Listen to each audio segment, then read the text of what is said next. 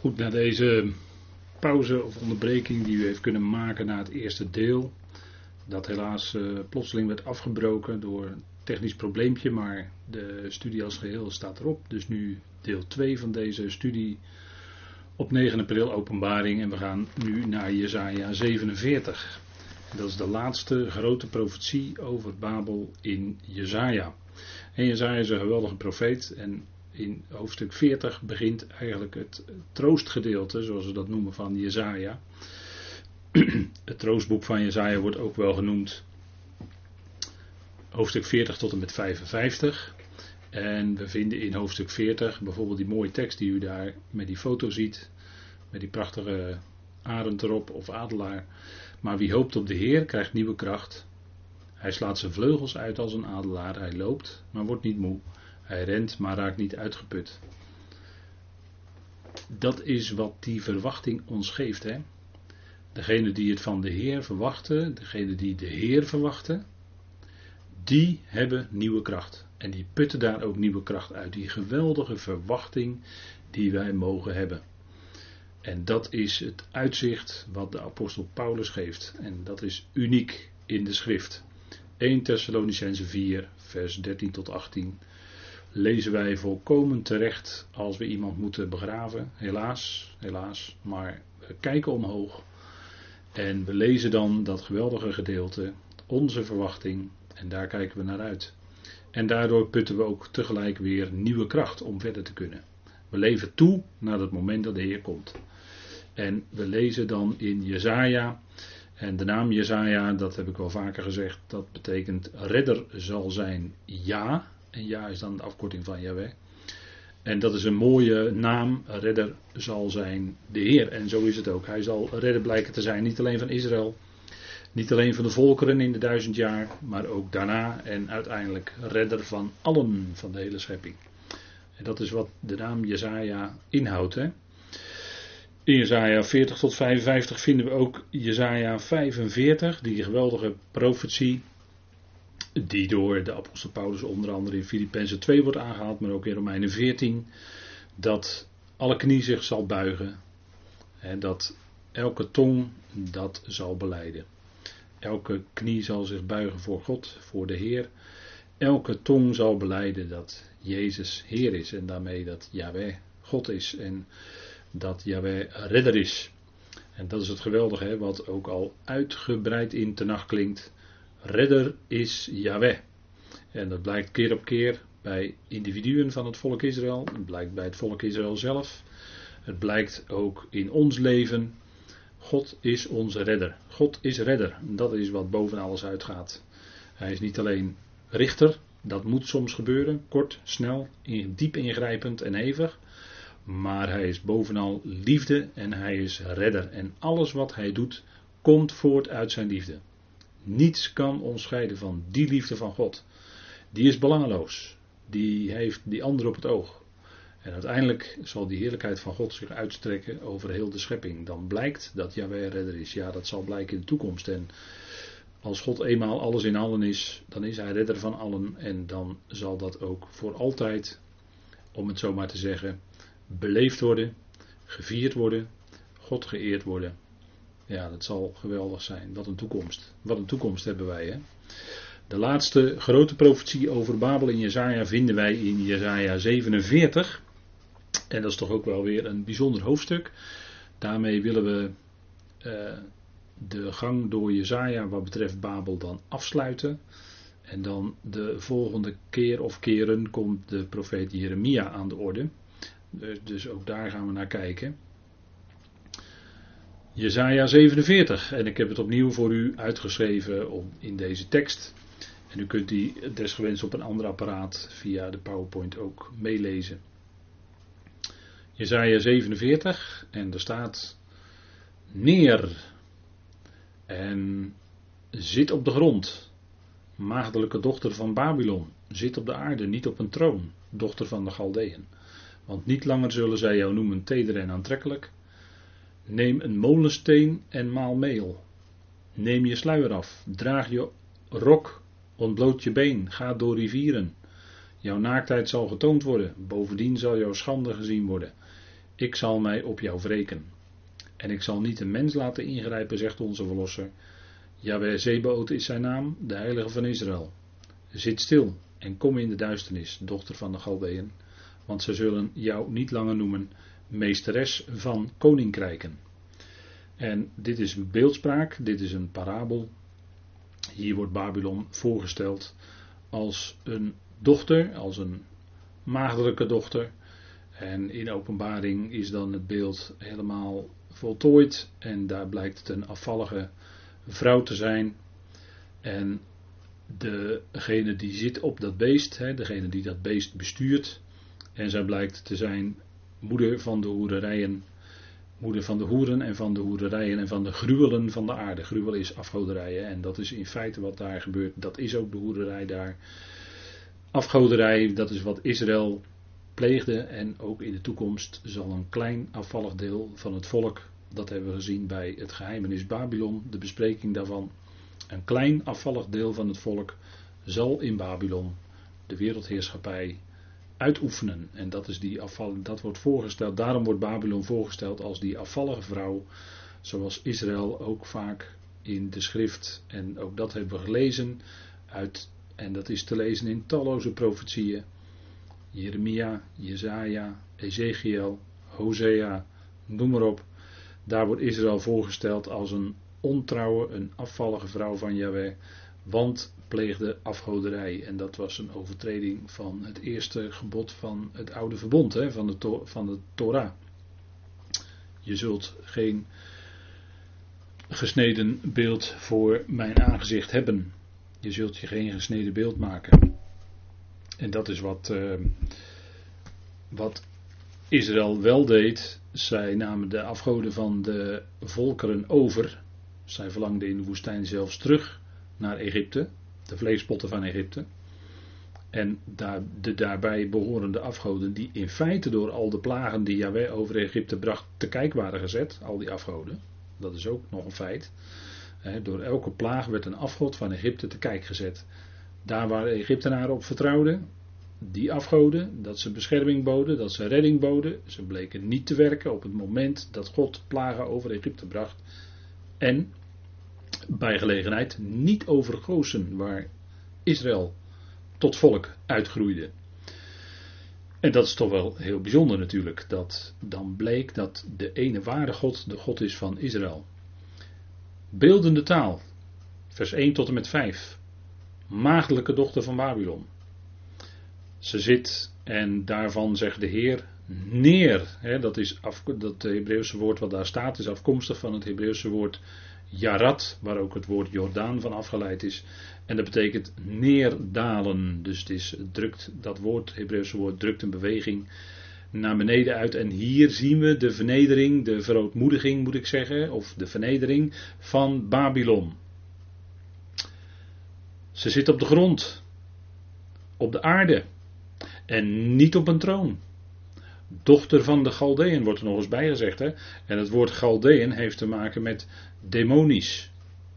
Abraham werd geroepen uit Oer der Galdeën. Daar was demonisch licht, hè? want het woord Oer is eigenlijk licht in het Hebreeuws. En daarom was daar demonisch licht, maar Abraham werd daaruit geroepen. Abraham hoorde de roepstem van Jaweh en hij ging. En zo is deze dochter van Babylon ook een dochter van de Galdeën. En dat is nou verbonden met demonie. En wat denkt u van de eindtijd? Daar zal de tegenstander als de grote rode draak van de eindtijd via Babel heerschappij over de hele mensheid uitoefenen. En daar is de tegenstander altijd om te doen geweest. Daarvoor zet hij de wetteloze in als instrument. Daarvoor is de antichrist de in plaats van Christus, degene die zich in plaats van Christus stelt. Sterker nog, de wetteloze zal zich in de tempel van God zetten en zich aanbidden als, laten aanbidden als was hij God. En dat is de mens centraal, dat is de eindtijd.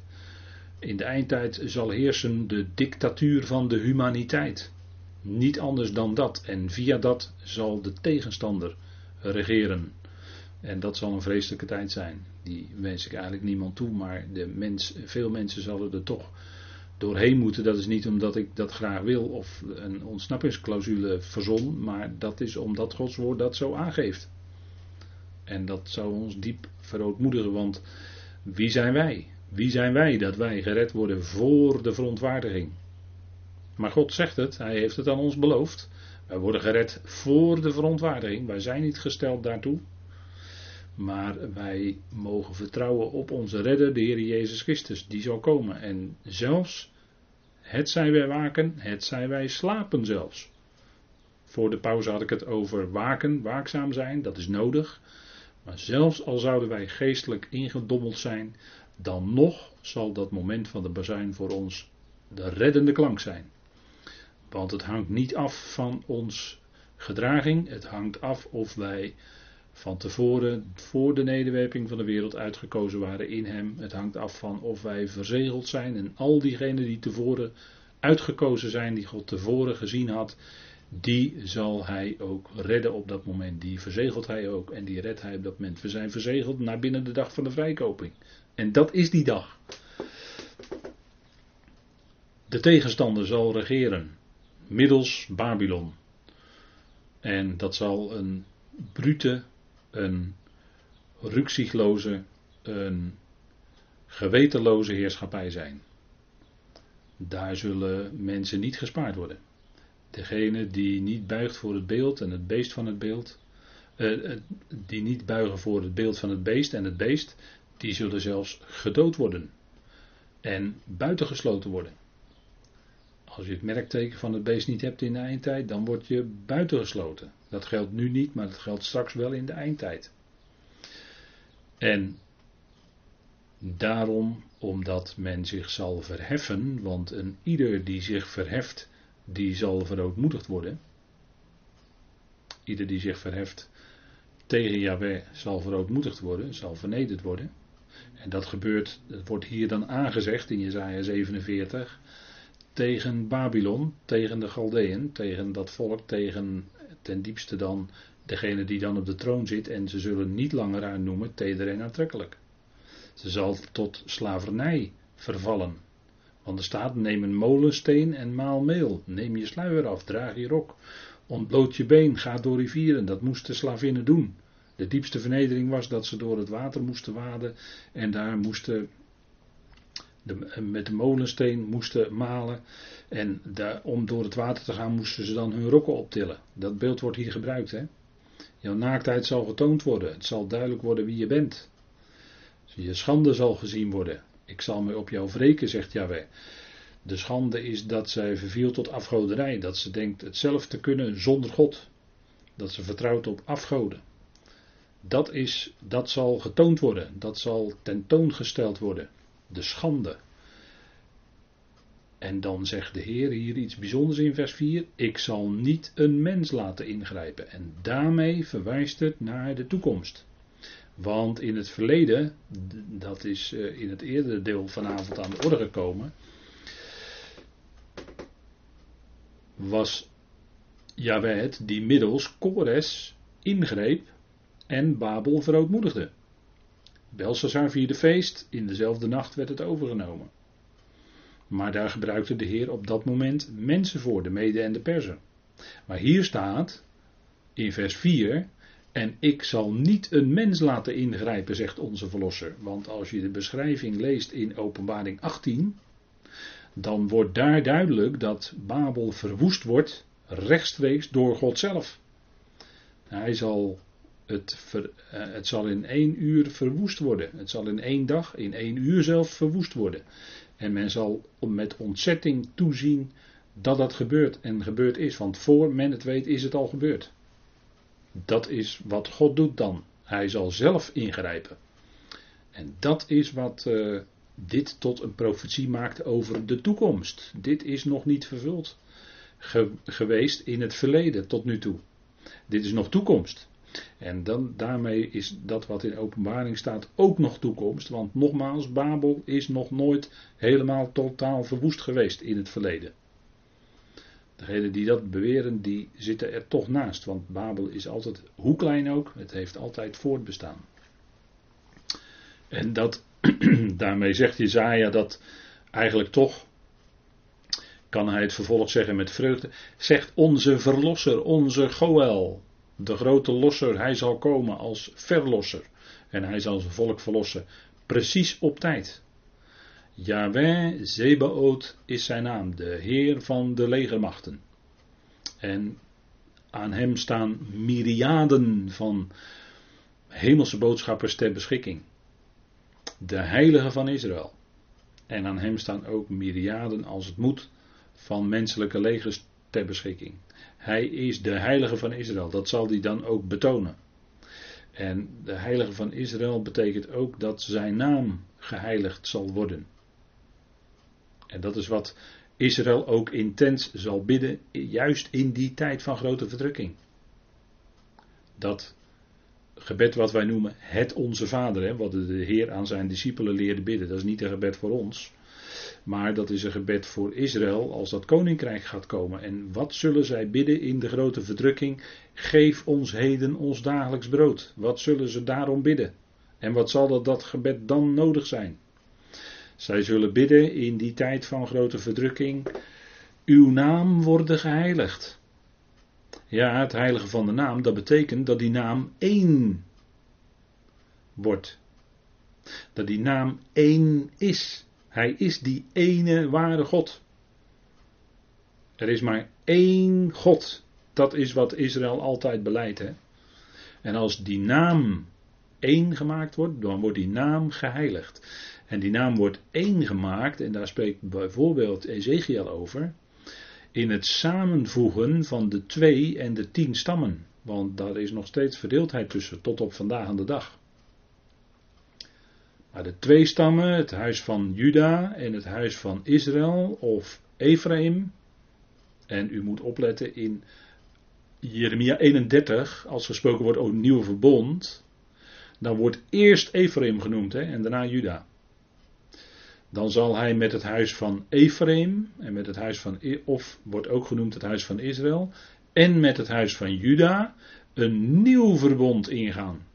En dan zullen zij ook één worden, waarvan de Heer Jezus zegt in Johannes 10, het zal worden één kudde, één herder. Alles zal tot eenheid komen.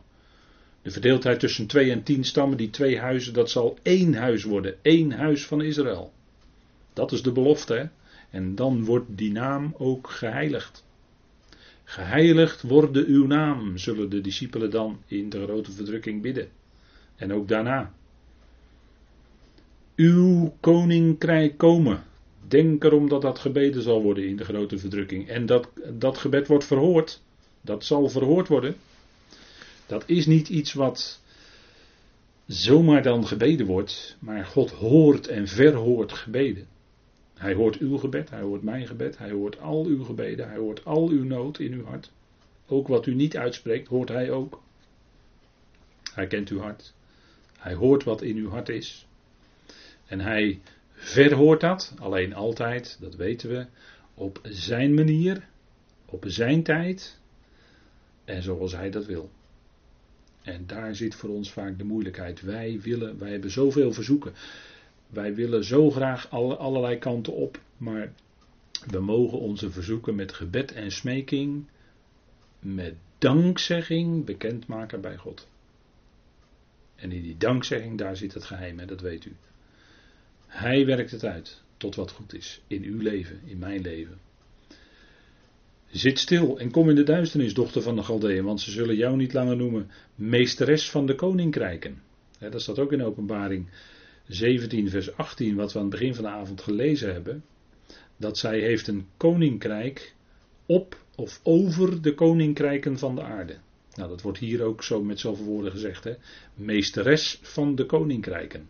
Maar zij zal dan tot duisternis vervallen. Zij zal in, tot stilheid komen, tot stilte gebracht worden. Door het gericht wat God erover brengt. En dat is wat. En dan zal ook die vernedering daar zijn. Want het principe is dat een ieder die zichzelf verhoogt, die zal vernederd worden. En andersom, degene die zichzelf verootmoedigt, die zal verhoogd worden. En dat is wat uh, de Heer Jezus ook tegen die uh, discipelen zei.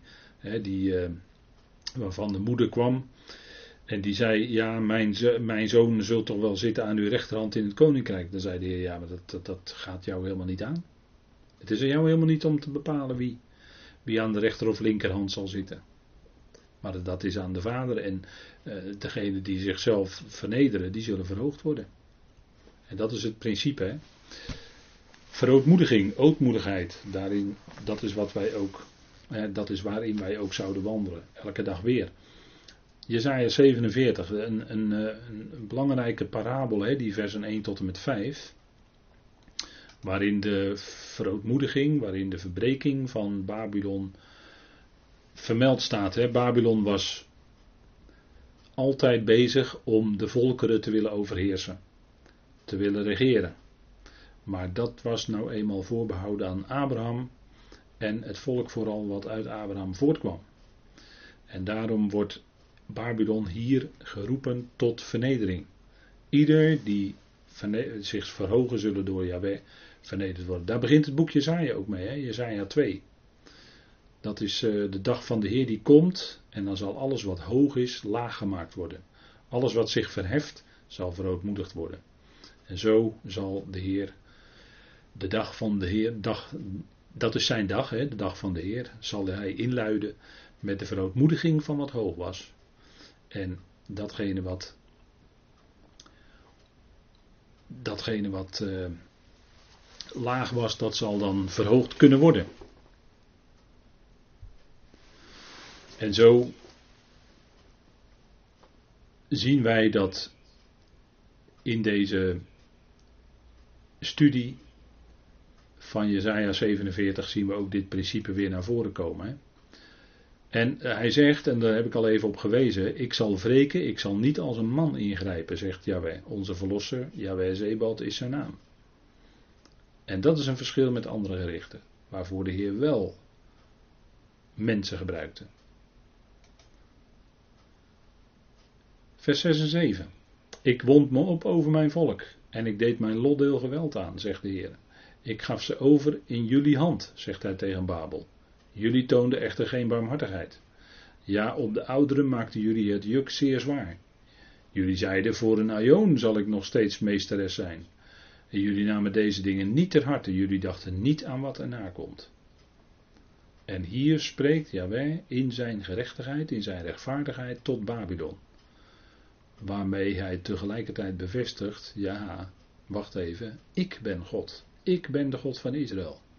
En de periode van ballingschap, dat is niet, uh, Israël zal niet voor altoos in, uh, zal niet altijd in Babel blijven. Nee, het was 70 jaar, daar zat een beperking aan. Terwijl zij in hun hart zeiden, vers 7, voor een aion zal ik nog steeds meesteres zijn. Jullie namen deze dingen niet ter harte. Jullie dachten niet aan wat erna komt. Yahweh spreekt in gerechtigheid tot Babylon. En tegelijkertijd zegt hij: Ik ben God. Ik bepaal het. Hij is de onderschikker. Hij is degene die het voor het zeggen heeft. En dat is niet alleen ten opzichte van Babel, maar dat is ten opzichte van alle volkeren. En ook ten opzichte van Israël. Zeker, want Israël was nu eenmaal in ballingschap gegaan omdat zij zich niet hielden aan wat Jahweh had gezegd. Zij vervierden tot afgoderij. Zij overtraden de Torah. En God had gezegd: Als jullie dat blijven doen, dan zal ik jullie verdrijven uit mijn land. Want het is mijn huis, het is mijn land. En Israël volhardde in hun opstelling en daarom werden zij weggevoerd in ballingschap. De tien stammen eerst en daarna de twee stammen. En hier zien we opnieuw, hè, je, je herkent als je openbaring 17 en 18 wat beter kent hè, inmiddels, dan herken je gewoon die woorden die daar gebruikt worden. Die komen namelijk in de profeten al voor. Hè. Hier in Jesaja 47, hoor nu dit, wilderige, jij die in zekerheid verblijft, die zegt in haar hart, ik en ik alleen verder, ik zal niet zitten, een weduwe, en ik zal niet beroofd worden. Echter zullen deze beiden ineens tot jullie komen, in één dag, beroving en weduwschap. En dat is wat we ook lezen bijvoorbeeld in, in uh, openbaring 18. Hè? Als we dat er even bij pakken. En even opslaan, openbaring 18. Dan zien we dat zij dat zegt in haar hart. Hè?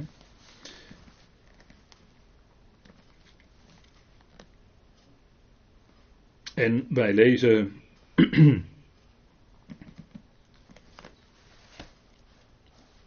Bijvoorbeeld in, als het gaat om dat gericht, hè, vers 16. WW, die grote stad die bekleed was met fijn linnen, purper en schalaken en getooid met goud, etels, gesteente en parels, want in één uur is die grote rijkdom verwoest.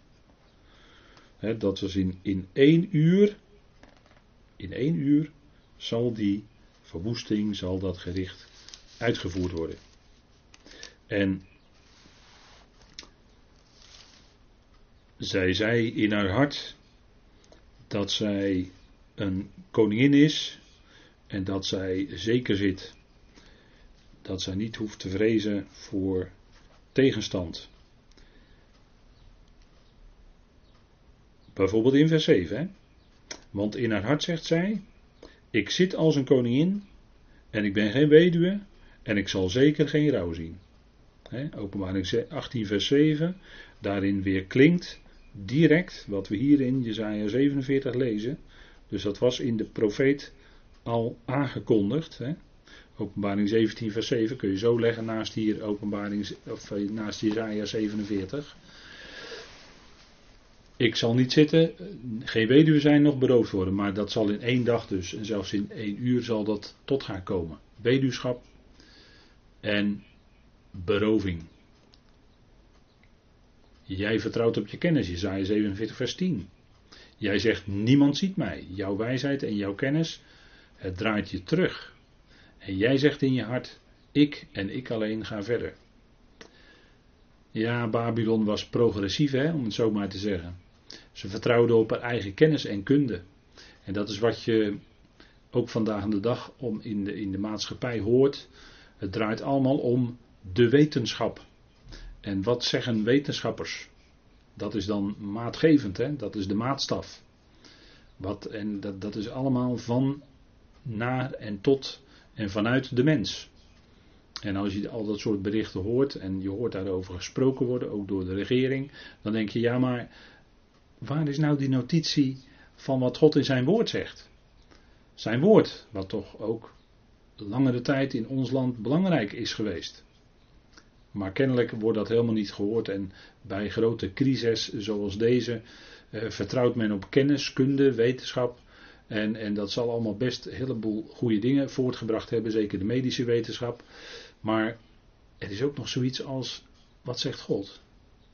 Halen we daar onze wijsheid vandaan? Want Jaweh die zegt, jij vertrouwt op jouw kennis Babylon. Jij zegt, niemand ziet mij. Jouw wijsheid en jouw kennis. Het, is niet, het brengt je niet vooruit, dat meen je wel in je progressief zijn of progressief willen zijn. Maar het draait je terug. En zo is het met al die volkeren die vertrouwen op eigen kennis, op eigen kunde, op eigen wetenschap.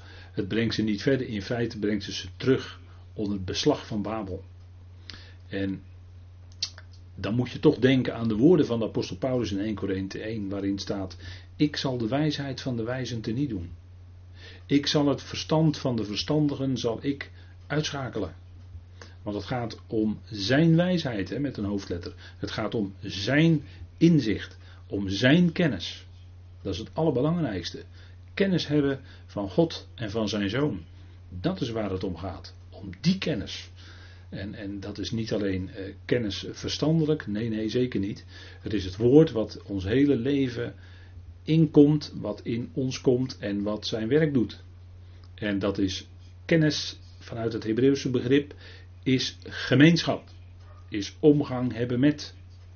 dat blijkt ook in, in wat oudere vertalingen, eh, als er staat dat eh, als een man en vrouw samen verder gaan in het huwelijk, dan uh, staat er, uh, zij bekenden elkaar. Dat wil zeggen, gemeenschap. Huwelijk is een gemeenschappelijk iets tussen man en vrouw. Daarin deel je het, hele leven met elkaar, gemeenschappelijk. En dat is ook de kennis, als we kennis hebben van God en van zijn zoon, dan is dat omgang hebben met. Gemeenschappelijk, gemeenschap hem aanroepen in gebed. En hij spreekt tot ons hart door zijn woord. Hij heeft ons lief. En hij zal de wijsheid van de wijze te niet doen. Het gaat om zijn wijsheid. En veel mensen zijn behoorlijk eigenwijs, mag ik wel zeggen. Maar het gaat om zijn wijsheid. En dat zou de monden van de eigenwijze mensen tot stilheid moeten brengen. Maar in deze tijd is dat nog niet. Maar dat zal komen, dat zal wel komen. Zij zei in haar hart, Babylon, ik en ik alleen ga verder. Ik zal het zelf allemaal wel regelen met mijn eigen kennis en kunde. Maar er komt een dag. Er komt een dag. Dat ook voor Babylon, wat zal rijken tot wereldheerschappij, er ineens een einde aan komt. En dan zal blijken dat het gaat om zijn kennis, Gods kennis. De kennis van Jehovah, de God van Israël. Daar zal het allemaal om draaien in het komende koninkrijk op aarde. En wij zijn dan boven, hè? wij zijn dan niet op aarde, wij zijn boven. En kwaad komt op jou. En jij kent de valkuil niet, verzelf. En ongeluk valt op jou. En jij kunt jezelf er niet tegen beschermen. En op jou komt verwoesting. En je kunt het niet redden. En ineens komt vruchteloos. Komt vruchteloosheid over jou. En je zult het niet weten. Kijk, in het verleden had Nebukadnezar. Die zeven tijden gras at bij de dieren. Op het veld. Eh, toen zijn verstand in hem terugkeerde. Loofde hij de God des hemels. Dat die het is die koningen aan en afstelt. Dat die het is die het bepaalt. En dat, dat uh, niets buiten hem om kan gebeuren, ook niet op regeringsniveau. Regeerders, zij worden door God aangesteld. Regeerders, zij worden door God afgesteld. Als het zijn tijd is. Nebukadnezar had die les geleerd. En in de toekomst zal Babylon en de regeerder van Babylon zal dat ook moeten leren, die les. Er is maar één God. Dat is Yahweh, de God van Israël. En zijn zoon zet hij in als redder. En ook bij gelegenheid als richter, als degene die richt, die gericht brengt.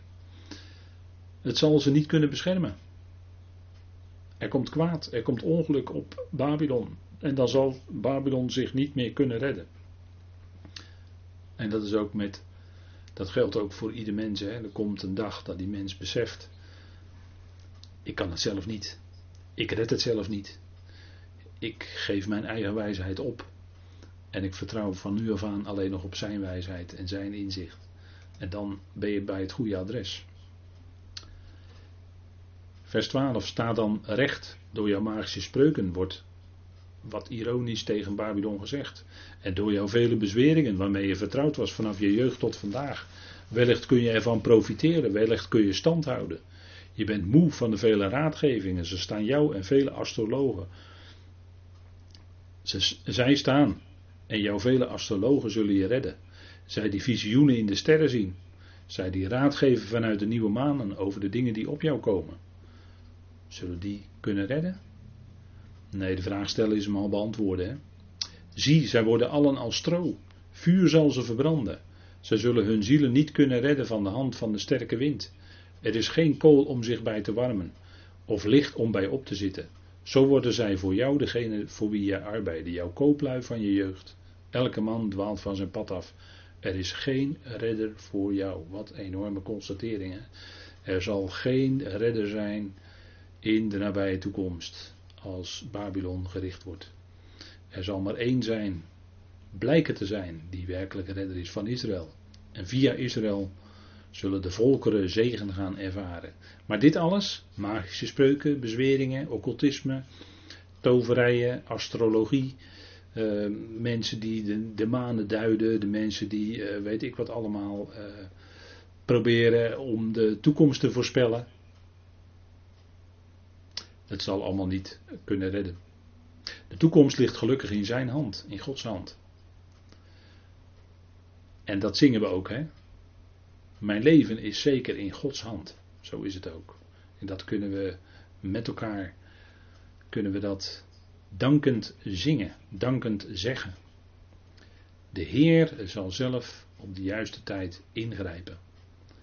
Zijn arm is niet te kort om te verlossen. Onze armen zijn te kort. En dat ervaren we dagelijks. Je zou zo graag nog dat willen doen, of die willen helpen, of maar je armen schieten tekort. Of er gebeuren dingen waarvan je denkt van ja, mijn armen schieten tekort, ik kan het alleen maar bij u brengen, vader. U weet ervan. En u werkt het uit. En bid dan om kracht. en om doorzicht in dat leven. Als de nood daar is. Maar Hij zal ons dagelijks die kracht geven die nodig is om verder te kunnen. Elke dag weer. En dat is onze bemoediging, daar kunnen we geweldig dankbaar voor zijn. Openbaring 18. De definitieve verwoesting van Babylon. Het zal in één dag gebeuren, zegt Jesaja 47, vers 9.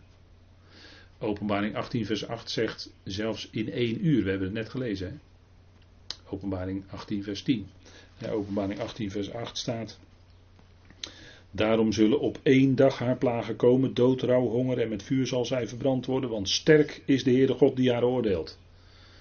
En nu komt zij die God tegen die werkelijk sterk is.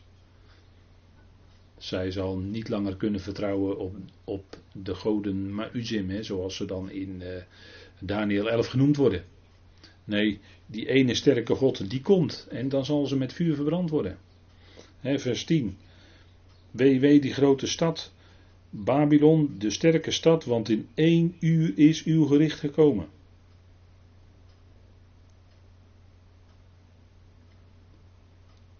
Vers 16 staat het ook, hè? Want in één uur is die grote rijkdom verwoest. Al die kooplieden, al die handelaars, alles. Ze zullen rouwen, stof op hun hoofd werpen, staat er in vers 19. Huilen en treuren. Wee, wee die grote stad. Waarin allen die schepen op zee hadden rijk zijn geworden door haar wilde. Want in één uur is zij verwoest. dus het staat wel drie keer. Hè? Zo snel zal God dat doen. Als het zijn tijd is. Die tijd is er nog niet.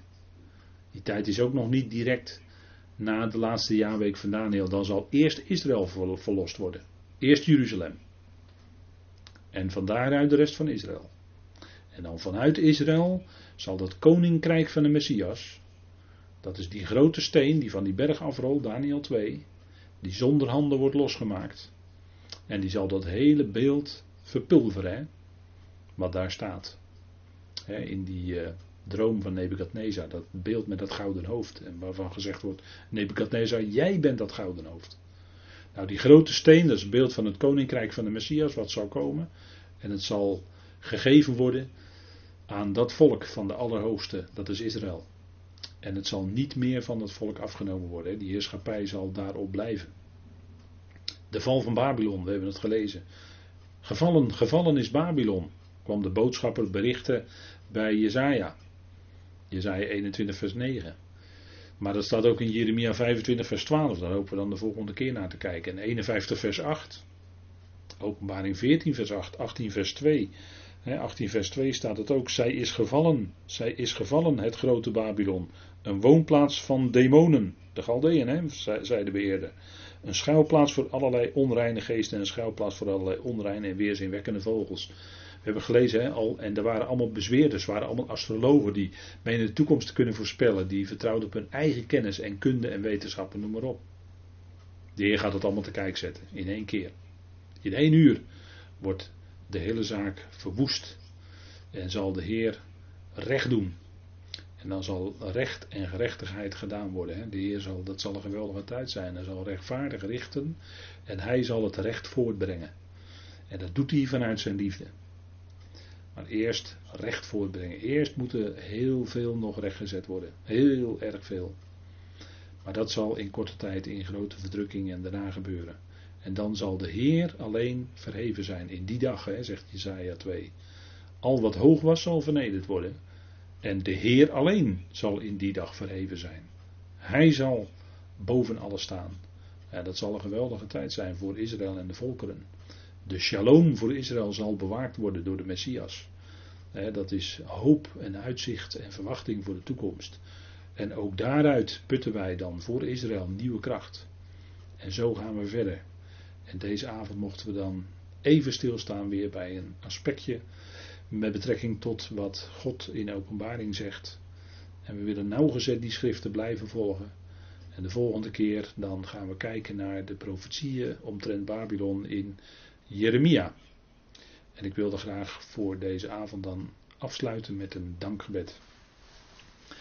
Vader, we danken u dat we ook deze avond van u mochten ontvangen. We danken u dat we zo naar deze dingen konden kijken, de profetieën konden lezen met elkaar. En Vader, het biedt ons nieuwe kracht, vreugde, blijdschap en uitzicht. Want u bent het licht, u bent liefde en u bent heerlijk. Vader, dank u wel dat we die heerlijkheid, dat we daarvan nu al iets mogen ervaren. We danken u voor uw goedheid, liefde en trouw. We danken u voor uw genade.